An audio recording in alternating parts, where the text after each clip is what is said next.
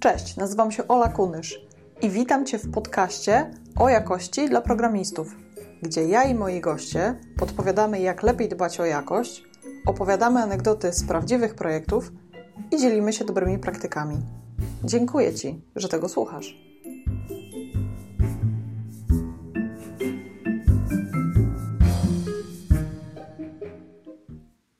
Zapraszam Cię do przesłuchania rozmowy z Marcinem Kubalą, który jest programistą z ponad 8-letnim doświadczeniem komercyjnym. Marcin uwielbia pracę zdalną i silnie typowane języki. Dlatego związał swoją karierę ze Skalą i firmą Software Mill. Podczas tej rozmowy dowiesz się, jakiego kodu lepiej nie wypuszczać na produkcję, jak poprawiać czytelność testów i dlaczego warto zaangażować się w projekt open source. Zapraszam. Cześć Marcin. Cześć Olu, dziękuję za wprowadzenie. Witam wszystkich y, oglądaczy i słuchaczy. Dziękuję za zaproszenie. Mam nadzieję, że rozwieję jakieś wątpliwości, jeśli chodzi o to, jak dowozić jakość w oprogramowaniu. E, przede wszystkim będę opowiadał o swoich doświadczeniach. Także z góry chciałem uprzedzić, że to są moje subiektywne opinie. To są rzeczy, do których ja doszedłem poprzez te 8 lat mojej kariery komercyjnej zapewne do innych e, wniosków mogę dojść, kiedy już tych lat doświadczenia będę miał 16 czy 20 na karku, więc traktujmy to raczej jako moje opinie niż prawdę objawioną. Myślę, że to jest właśnie najfajniejsze w tych rozmowach, że każdy po prostu mówi o swoich doświadczeniach i my słuchając właśnie tych, tych różnych ludzi i różnych poglądów i, i różnych punktów widzenia, możemy wyrobić sobie swoje zdanie i to jest, to jest w tym wszystkim najfajniejsze. E, Marcin, tak, zdecydowanie. Zacznę... Od tych typowanych języków. E, czy uważasz, że to podnosi jakość w projekcie? Używanie typowanych języków? Hmm. Silnie?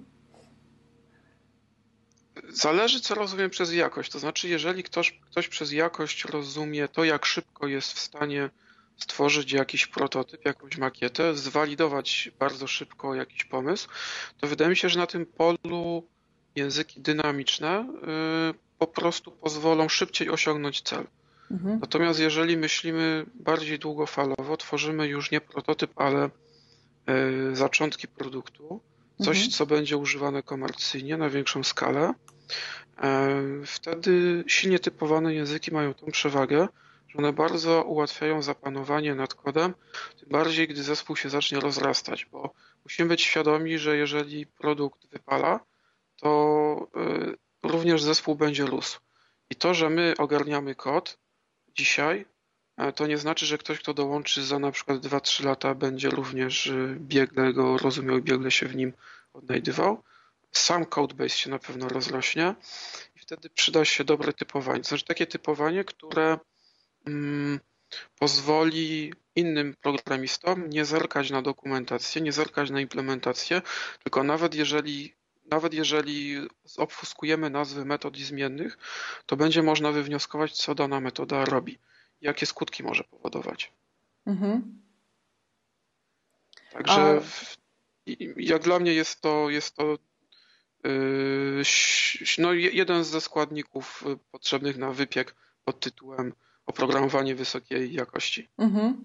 A właśnie jak dostarczasz to oprogramowanie wysokiej jakości i wypuszczasz coś na produkcję właśnie z myślą o tym, że będziesz ty tego używał za kilka miesięcy, ale też inni będą tego używać, to masz jakoś takie y, swoje, um, swoją checklistę, którą sprawdzasz przed wypuszczeniem, jakiego kodu nie wypuszczasz na przykład na produkcję? Y, dobre pytanie. Myślę, że nie wypuściłbym kodu, który nie jest przetestowany, którego nie sprawdziłem. Mhm. Dobrze, jeżeli kod, poza tym, że my go, my napiszemy testy, czy, czy któryś z naszych kolegów, ten kod koniecznie musi jakiś czas e, dojrzeć na jakimś stagingu. Mhm. Fajnie, jeżeli tego kodu poużywają e, inne osoby.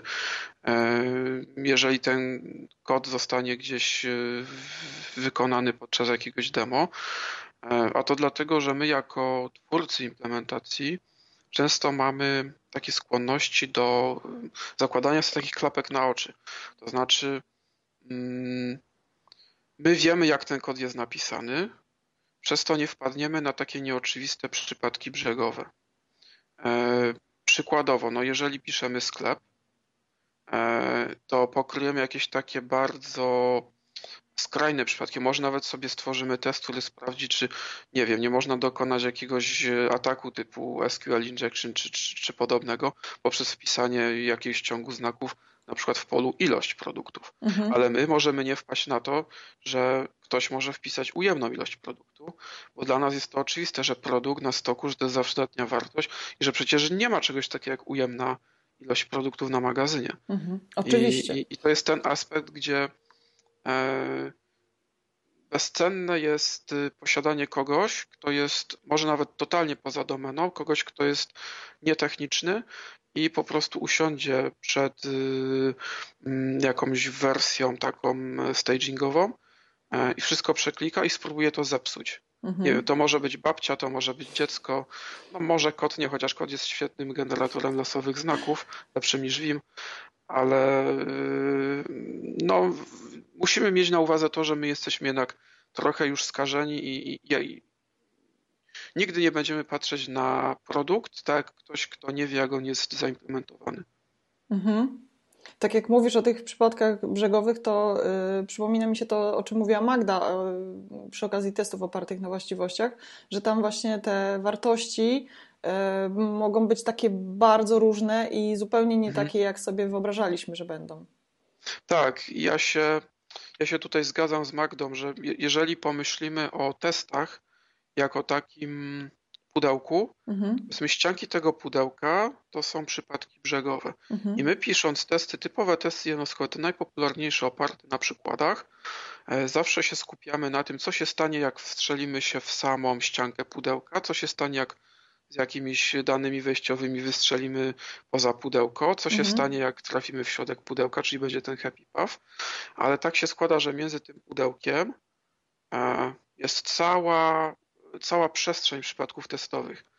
I jeżeli miałbym dalej się posługiwać analogią pudełka, to doświadczony programista z czasem odkrywa, że to wcale nie jest y, sześcian mhm. i że czasami te testy oparte na właściwościach pozwalają nam wykryć nieregularność kształtu tych przypadków, przypadków brzegowych. Mhm. Mhm. Bardzo ciekawa analogia.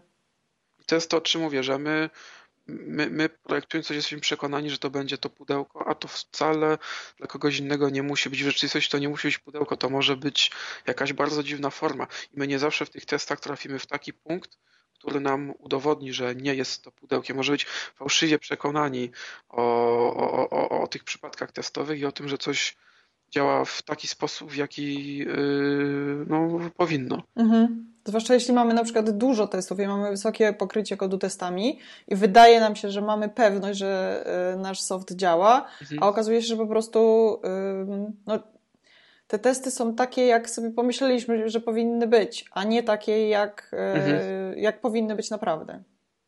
Ja osobiście nie ufam pokryciu, yy, nie, nie, nie ufam w procentowe pokrycie kodu mhm. dlatego że um, kod, który ma 30% pokrycia, ale to jest 30% takiej, takiej mięsnej domeny biznesowej, takiego koru, e, jest lepszy niż kod, który ma pokrycie 90%, ale to są testy setterów, getterów. Mhm. To jest może jakiś dobry miernik, e, ale mimo wszystko uważam, że pisanie testów i to, jakie mamy pokrycie tymi testami, to jest kwestia takiej naszej programistycznej higieny pracy.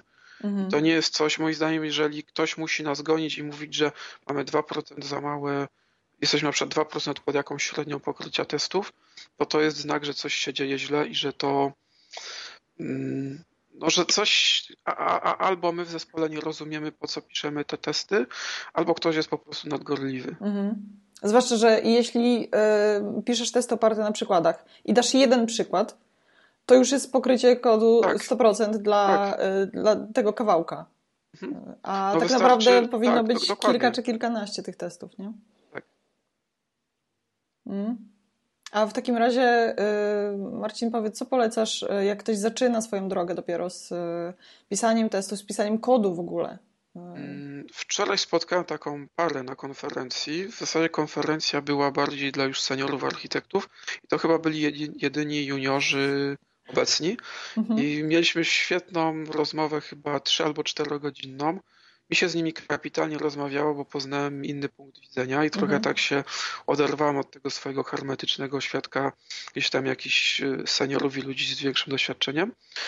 E, I dałem im dwie rady. Pierwsza rada to jest taka, żeby wybierać firmy, w których codziennie jako element procesu wytwarzania będą mieli code review Mhm. i ktoś im poświęci uwagę.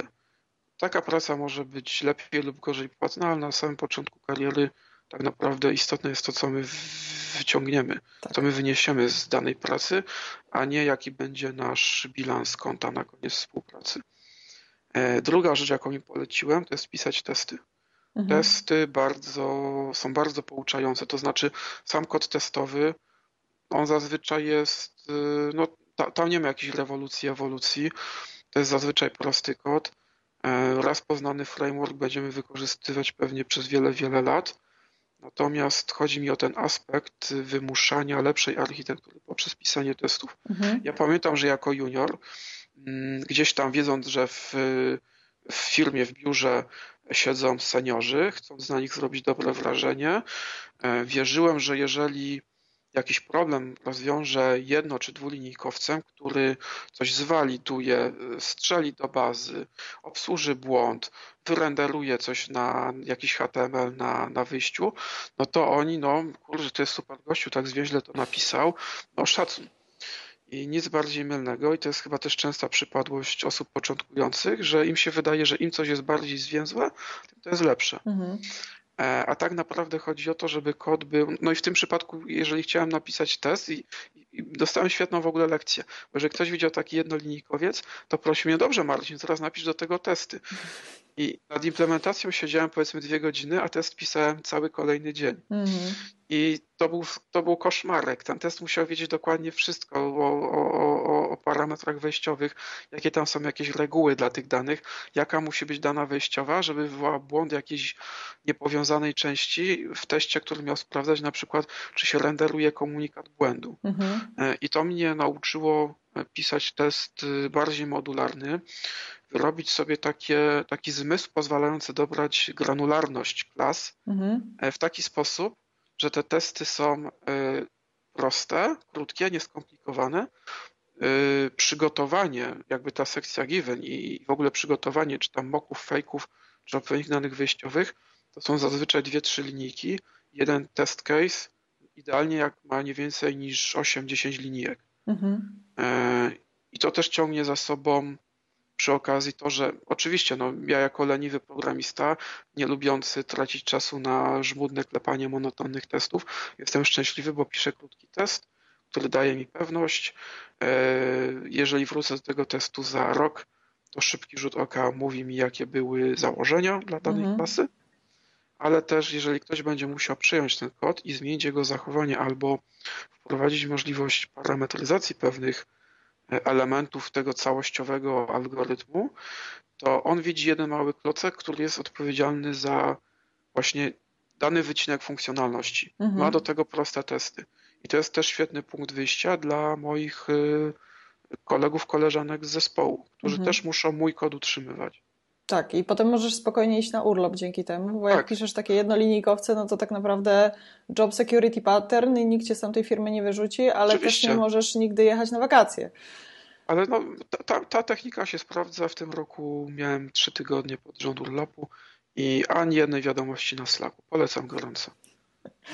Tak, tak, ja też polecam, bo em, jest nawet taka strona One Time Engineer, gdzie autor pisze, że no, fajnie jest e, imponować właśnie innym jednolinijkowcami, ale w pewnym momencie już zaczynasz dostrzegać to, że jakby ty chcesz mieć też życie poza pracą i nie masz niczego do udowodnienia w tych 8 godzinach, tylko po prostu chcesz napisać dobry soft i to jest twój cel, Mhm. a nie to, żeby się popisywać składniami i jakimiś tam Tak. szt- sztuczkami, które możesz zastosować. Mhm. Jeszcze y, właśnie ta z którą rozmawiałem, Mhm. zapytała mnie, no dobrze Marcin, ale ty tutaj wszystko, ty nam mówisz co robić, kiedy już pracujemy w firmie i mamy zespół, który robi code review, e, ale co zrobić, jeżeli my piszemy jakieś pet projekty, jakieś takie Mhm. projekty do szuflady, nie mamy dostępu do e, takiej wiedzy seniorskiej, nie wiem, być może się przygotowujemy do podjęcia pierwszej pracy, mamy wyłącznie wiedzę akademicką. E, I, i, i skąd to czerpać? No, problem jest też taki, że pisząc coś do szuflady, my jesteśmy product ownerem i mhm. Mm, jest, jest taka pokusa, żeby zmieniać wymagania. To znaczy, jeżeli, jeżeli napotkamy na problem, którego nie potrafimy rozwiązać, albo nie wiemy, jak coś przetestować, no to zaczynamy gdzieś tam naginać te wymagania i jakby my nie, my, my nie, my, my nie piszemy kodu pod produkt, jakiś taki nasz wyimaginowany, tylko my zaczynamy robić produkt pod kod. Mhm. I podobnie, no, kto, kto nam zrobi code review? E, jest coś takiego jak open source, gdzie możemy tworzyć e, PR-y do różnych ciekawych projektów. E, myślę, że każdy znajdzie jakiś projekt, w którym będą issues na miarę jego poziomu, mhm. na miarę jego umiejętności i znajomości języka. I na pewno można wtedy liczyć na dobry review, a przy okazji przeczyta się cudzy kod i nie ma nic bardziej rozwijającego niż obcowanie z dobrym kodem, mhm. czy podglądanie, co robią lepsi od nas wyciąganie wniosków, dostrzeganie wzorców. Mhm. Um, kodu ewolucja testów. Szukanie też to jest, to jest to, o czym ja często wspominam w rozmowach z, z innymi programistami, że dobrze być leniem w tej branży, ponieważ no wiadomo, no ile można, nawet jeśli to jest copy-paste, no to trzeba robić ten copy-paste. E, to też nie wygląda dobrze, a jakby coś zacząć generalizować, upraszczać sobie te testy, przygotować jakieś takie suity, jakieś takie fixtures dla, dla, dla testów, które po prostu tą mrówczą, żmudną robotę uproszczą, mhm. sprawią, że coś będzie też bardziej czytelne i że ktoś, kto już się zanurzy w ten nasz, y, powiedzmy, wewnątrzprojektowy framework testowy, będzie również bardzo szybko produktywny i też nie będzie musiał wynajdywać koła od zera. Mhm, mhm. Ja mam takie doświadczenia właśnie, że y, kiedyś poświęciłam, no tak chyba ze dwa dni na to, żeby zrobić właśnie y, taką klasę pomocniczą do, do testów i tam kilka tygodni później przyszedł do mnie mój kolega z zespołu i mówi: Ola, dzięki, bo pisanie testów y, z wykorzystaniem tej klasy to jest po prostu czysta przyjemność. I że wszystko jest takie proste, i jak tylko zobaczyłem Twoje testy, to od razu wiedziałem, co mam zrobić mhm. u siebie. To wszystko już było gotowe, cały setup y, testów był w zasadzie gotowy do wzięcia, i to jest bardzo takie y, przyjemne uczucie. Mimo tego, że ja poświęciłam te dwie dniówki, wydawało mi się wtedy, że to może trochę było za dużo, to potem okazało się, że to oszczędziło wiele innych dniówek, nie tylko mi, ale też innym programistom w zespole. Zgadza się, a poza tym, jeżeli, jeżeli raz napiszemy kod i o nim zapomnimy, to ten kod nie ewoluuje. Mhm. A prawda jest taka, że my ewoluujemy razem z kodem. To znaczy, oczywiście można kupić książkę, przeczytać o wzorcach i to jest na początek najlepsze rozwiązanie, ale z czasem jeżeli nie chcemy wyłącznie być tymi takimi pijawkami, które podglądają coś u innych, ale też chcemy coś wnieść, to mhm. musimy zacząć z różnych perspektyw patrzeć na ten kod, szukać części wspólnej, zobaczyć, czy generalizacja za bardzo go nie zaciemni, czy może go uprości, czy może sprawi, że to będzie bardziej przydatne i rozwijać ten kod. Mhm. Wtedy dostrzegamy nowe rzeczy, sami odnajdujemy jakieś e, wzorce, jakieś sztuczki w danym języku. E, przy okazji, jeżeli na przykład zlecamy code review nie tylko lepszym od siebie, ale na przykład początkującym programistom, mhm. zyskujemy coś również wartościowego, bo oni nam wniosą punkt widzenia kogoś z, dopiero wchodzącego w temat. Mhm. E, I oni nam po ilości ich pytań i, i próśb o wyjaśnienie czegoś, my wiemy, czy ten kod jest czytelny, czy nie. Bardzo mhm. łatwo jest w jakimś takim zespole e, wpaść w coś takiego, że no my już jesteśmy na jakimś wysokim poziomie, my znamy te nasze wewnątrzprojektowe frameworki e, i myślimy już tak na zasadzie analogii do czegoś, co nie jest standardem. Mhm. I to jest, to może powodować coś zbliżonego do vendor lockinu, ale bardziej na poziomie zespołu. My się wtedy zaczynamy też hermetyzować i bardzo trudno jest wprowadzić kogoś z zewnątrz. Jest to wtedy kosztowne, powiększenie teamu jest problematyczne, no bo mhm. de facto e, jeden programista przez jakiegoś czasu pewnie będzie musiał robić programming z kimś nowym mhm. E, I, i to jest znowu taki, to może być taki one-liner, ale seniorów. Mhm. E, nad no po prostu przekombinowanie. Mhm. I to jest, wydaje mi się, że, że, że bycie seniorem polega na tym, że my znamy balans. Z jednej strony nie przekombinujemy, z drugiej strony też znamy balans pomiędzy e, dopieszczaniem tej sztuki kodu, jakbym to nazwał, tej, tej, tej, e, tego rzemiosła, mhm. a z drugiej strony pamiętamy, po co tu jesteśmy i że my tworzymy produkt. I ktoś na ten produkt czeka, i ktoś w ten produkt inwestuje i pokłada w nim nadzieję. Mhm. I to zawsze jest, y, programowanie jest tak naprawdę wiecznym szukaniem kompromisu. Bardzo Kwestia, jak znaleźć właściwy kompromis. Mhm. E, jeszcze, jeżeli mówimy o kompromisach, o jakości, ja może pozwolę sobie wrócić do tych statycznie, statycznie czy silnie typowanych języków programowania. Mhm. I do tego właśnie to się też wiąże z tym lenistwem. Ponieważ często jest tak, że mając y, do dyspozycji jakiś dobry type system, ja jestem w stanie przy pomocy czegoś, co nazywam pair programmingiem z kompilatorem, uniemożliwić zaistnienie pewnych przypadków, dzięki czemu nie muszę czegoś testować jednostkowo. E, dajmy na to, mamy jakąś klasę serwisu, e, która ma przyjmować jakieś dane pochodzące od użytkownika.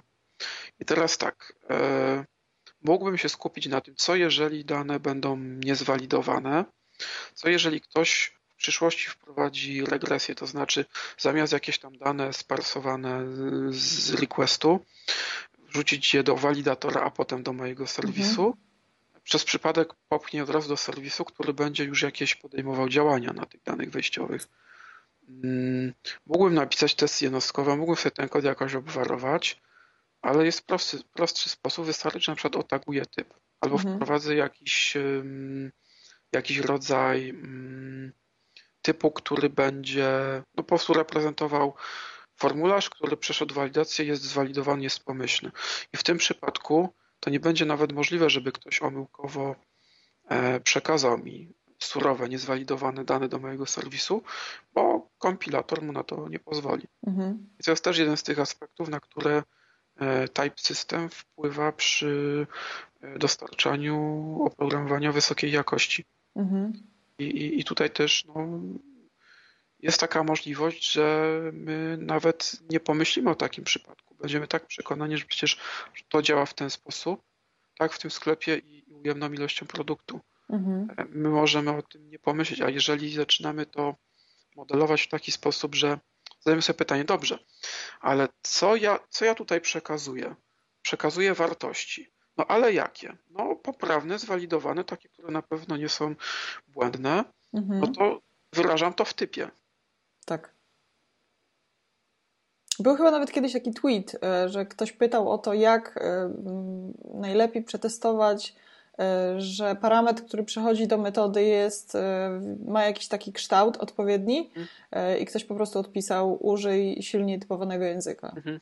Dokładnie. To znaczy wszystko oczywiście tutaj zależy od higieny, bo mamy, mamy zestaw wspaniałych narzędzi. Mamy frameworki do testów bazujących na przykładach, na właściwościach, e, mamy systemy typów, mamy kompilatory, ale to i tak wszystko jest na nic, jeżeli my, jeżeli nam nie zależy na tym, żeby tego używać z głową i jeżeli my nie chcemy poznawać tych narzędzi, jeżeli my nie chcemy, yy, czasami jest coś takiego, ludzie narzekają, że no bo ja wolę języki dynamiczne, bo przy tych kompilatorach to na co chwilę on mi przeszkadza, on mi o coś woła, on mi krzyczy, i, a poza tym i tak mogę wtedy napisać, że wszystko jest objectem, jest funkcja przyjmująca object, czy jakieś n, czy, czy jakikolwiek typ nadrzędny w jakimkolwiek języku. Mhm. No i tutaj zadziała polimorfizm, mm, też Liskow się tutaj włączy e, i, i, i teoretycznie z języka silnie typowanego zrobimy język skryptowy, mhm. bo będziemy mieli jakiś typ bardzo ogólny, przyjmowany, zwracany. I, i tutaj trzeba też jednak y, szukać cały czas tych sposobów, podglądać kod, dużo pisać i zawsze się zastanawiać, jak mogę to zrobić lepiej. Mhm. Jak mogę mm, wprowadzić na przykład failfast, to znaczy co zrobić, żeby już na etapie kompilacji błędy zostały wyeliminowane. Żebym ja po prostu zamiast potem siedzieć w tych no, mało ciekawych jednak testach, bo każdy, każdy lubi rozwiązywać problemy algorytmiczne i, i, pisać ten kod produkcyjny. No wiadomo, pisanie testów to, to, to zawsze jest trochę takie za karę. Mhm. Trochę tak, no. To y, Marcin, bo wspomniałeś o książkach i mówiłeś, że są jakieś y, książki, które warto przeczytać na początek. Masz jakieś takie swoje ulubione tytuły? Um, oczywiście warto przeczytać książkę, słynną książkę Gangu Czworga i to niezależnie jaki język obiektowy wybierzemy. Mhm. E, nawet jeżeli nie planujemy programować obiektowo, to, to fajnie wiedzieć. E, dobrze jest poza tym poznawać różne języki programowania, różne podejścia. E, wiele cech jest wspólnych, wiele cech jest unikatowych, a to jest temat już na zupełnie inną rozmowę i podejrzewam, że nawet godzinną, nie półgodzinną. Mhm. E, i podglądać, no jak, to, jak to robią goście w dynamicznych językach, jak, to, jak się pisze testy na przykład w Spoku, jak się pisze testy w JUnicie, jak się używa, nie wiem, skala, skala czeka. Mhm. E, mieć po prostu pojęcie i wiedzieć, jak różnorodny jest świat testów. No, najlepszym sposobem nauki jest zawsze praktyka. Mhm. E, czytanie kodu testowego innych, jeżeli gdzieś w jakimś open source, nie wiem, szukamy czegoś, czegoś nie ma w dokumentacji e, i musimy jednak zobaczyć, jak to jest zaimplementowane, żeby coś zrozumieć, to zawsze mimo wszystko to jest dodatkowy krok. On nam, on się może wydawać zbędny, ale jeżeli jest y, kod, którego my, do którego my nie potrafilibyśmy osobiście napisać testu, no to zerknijmy w źródło, zobaczymy, jak autorzy biblioteki to rozwiązali i zawsze coś przy okazji podejrzymy. Mhm. Super, super Marcin. Myślę, że dużo wiedzy dzisiaj było, zwłaszcza dla, dla juniorów i zwłaszcza dla osób, które zaczynają w branży. Bardzo Ci dziękuję za przyjęcie zaproszenia i za podzielenie się tą wiedzą. Myślę, Również dziękuję za zaproszenie. Myślę, że dużo e... fajnych tematów poruszyliśmy.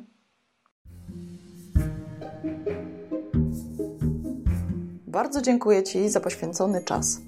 Jeśli ten odcinek dał Ci wartość, to podziel się nim w social mediach albo wyślij go do jednej osoby. W notatkach do odcinka znajdziesz linki do bloga, kanału na YouTubie i mojego Twittera. Jeśli masz jakieś pytania albo sugestie, to napisz do mnie na olamałpka szkołatestów.online. Niech moc będzie z Tobą. Ola Kunysz.